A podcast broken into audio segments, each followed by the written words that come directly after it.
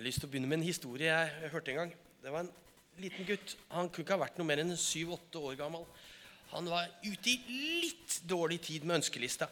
Så han tenkte at eh, Han hadde gått på søndagsskolen, så han tenkte at hvis denne, søndags, denne ønskelista skulle ha noe, noe kraft, så skrev han Kjære Gud, jeg har vært snill i seks måneder. Og så tenkte han seg litt om, og så, så kryssa han det ut, og så skrev han tre måneder.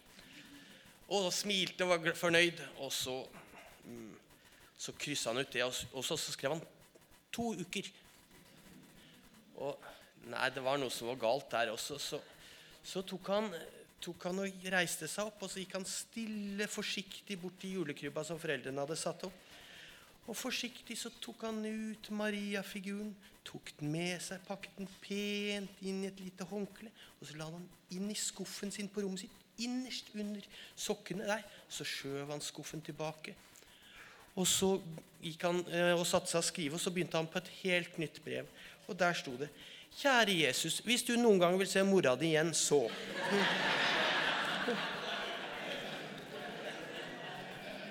Det er flere veier. Det er flere måter. I dag er det 24. desember. Hvordan ville det ha sett ut om Maria og Josef kommuniserte på Facebook? Vi skal se et lite eksempel.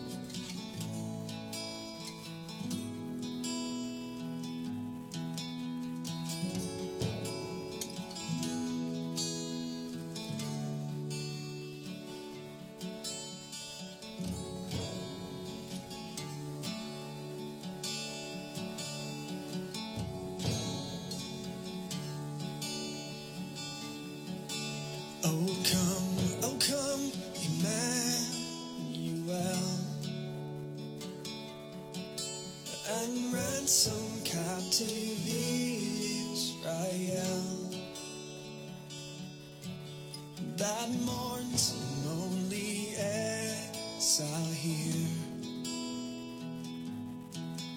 until the Son of God appears.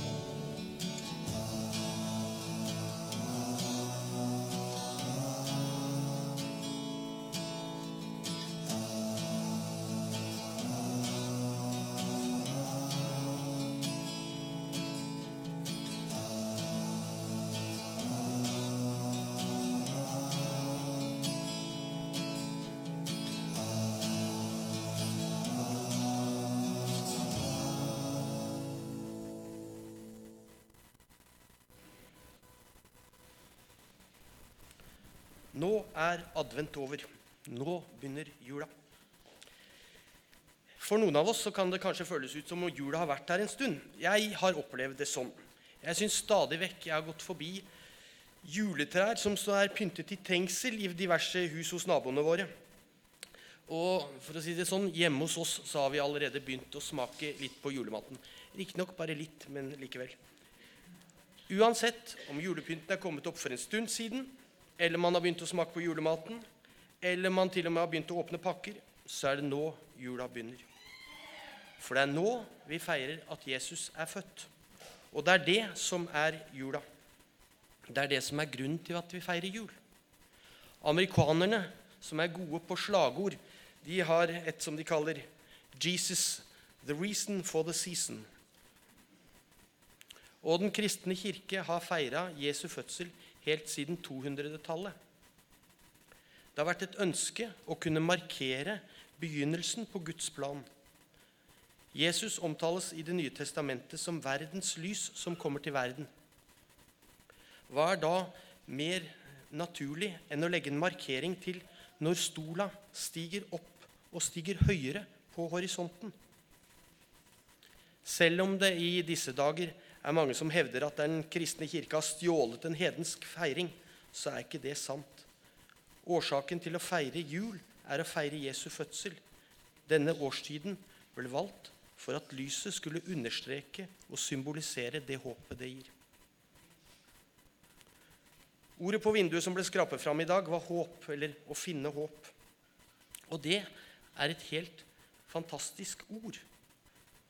Det forteller meg at selv om jeg ikke vet, kanskje til og med er overbevist om at det jeg ikke vil skal skje, kommer til å skje, så kan jeg ha et håp om at det, er, om at det skal bli en annen utgang.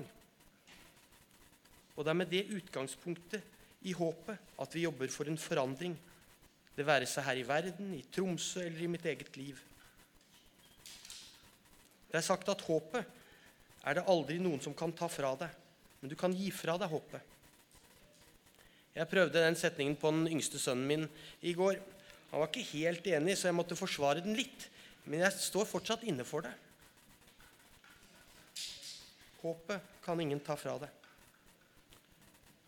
Gud har hatt et håp, et ønske om at vi skal finne tilbake til Han. Og det er det det handler om, det vi gjør i dag. Noen av dere har vel riktignok noen noe håp om hvilke julegaver som dere kanskje allerede har sett innpakningspapiret på.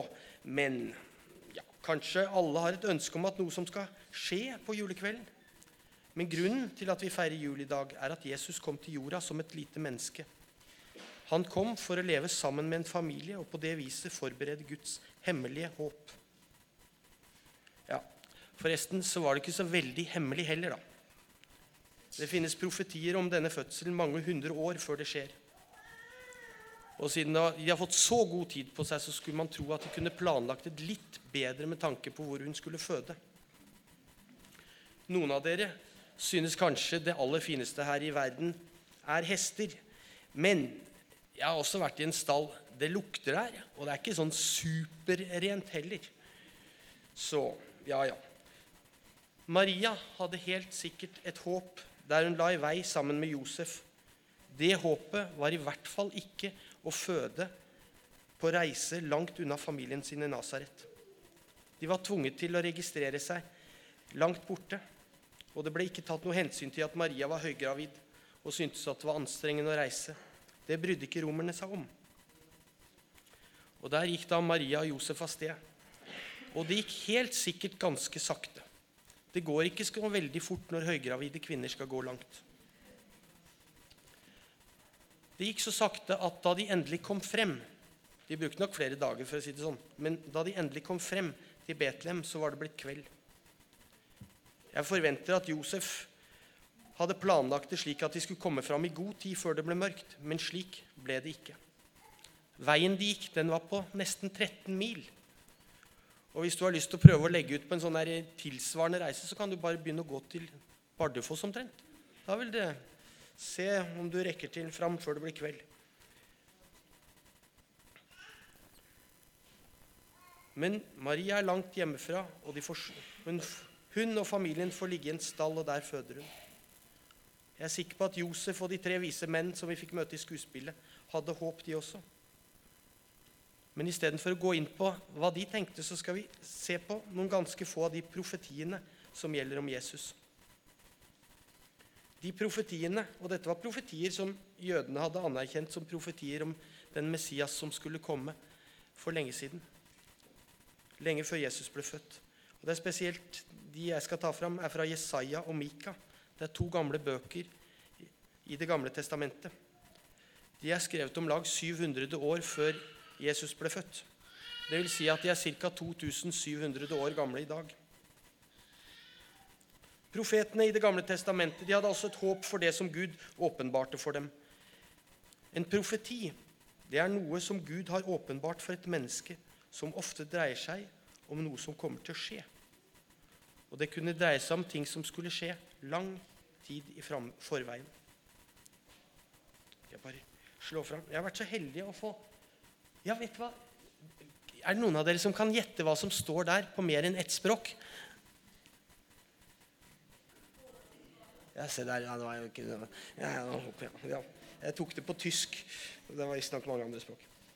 Men der, jeg har vært så heldig å få tak i noen riktig gamle bilder av, av disse profetene. Det var ikke så lett. Men eh, Jesaja skriver i kapittel 9.: For et barn er oss født, en sønn er oss gitt. Herreveldet er lagt på hans skuldre. Han har fått navnet Underfulle rådgiver, veldig Gud, evig far, fredsfyrste. Et litt mer realistisk bilde. Derfor skal Herren gi dere et tegn. Se, en jomfru skal bli med barn. Hun skal føde en sønn og gi han navnet Immanuel. I Det nye testamentet så finnes det også en historie der Matteus forteller også historien om Jesu fødsel. og, der, og Han forteller om de tre vise menn som først går en tur til slottet til Herodes og spør etter en konge som er født. Og De skriftlærde får da i oppdrag å finne ut av hvor dette skal fødes en slik konge. Og da går de til det som står hos Mika. Og det som sto der, var Men du, Betlem, Efrata, den ringeste blant ættene i Juda. Fra deg lar jeg det komme opp en mann som skal herske over Israel. Han har sitt opphav i gammel tid. Han er fra eldgamle dager. Dette er håp formidlet til oss fra Jesajas og Mika. Jeg har flere håp for denne jula. De går kanskje ikke ut så mye på gaver som de gjorde i gamle dager, men mer om at familien min skal ha det bra, at vi skal være greie med hverandre, at jeg ikke skal bli så sur og sint for småting som skjer rundt meg, og at det blir veldig hyggelig for alle. Men håpet det strekker seg jo mye lengre enn akkurat det. Det strekker seg mye lenger enn bare de nærmeste dagene. Og det håpet det har vi fått i troen på Jesus.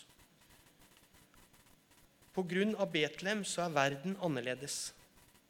På grunn av at Jesus kom til oss i Betlehem, så er verden annerledes. På grunn av Betlehem så vet vi både dagen og måten Gud frelste oss fra oss selv. Og viktigere enn noen gang der ensomheten rår, ikke minst i en verden der mange opplever ensomhet. Kanskje midt i mengden av familie og bekjente.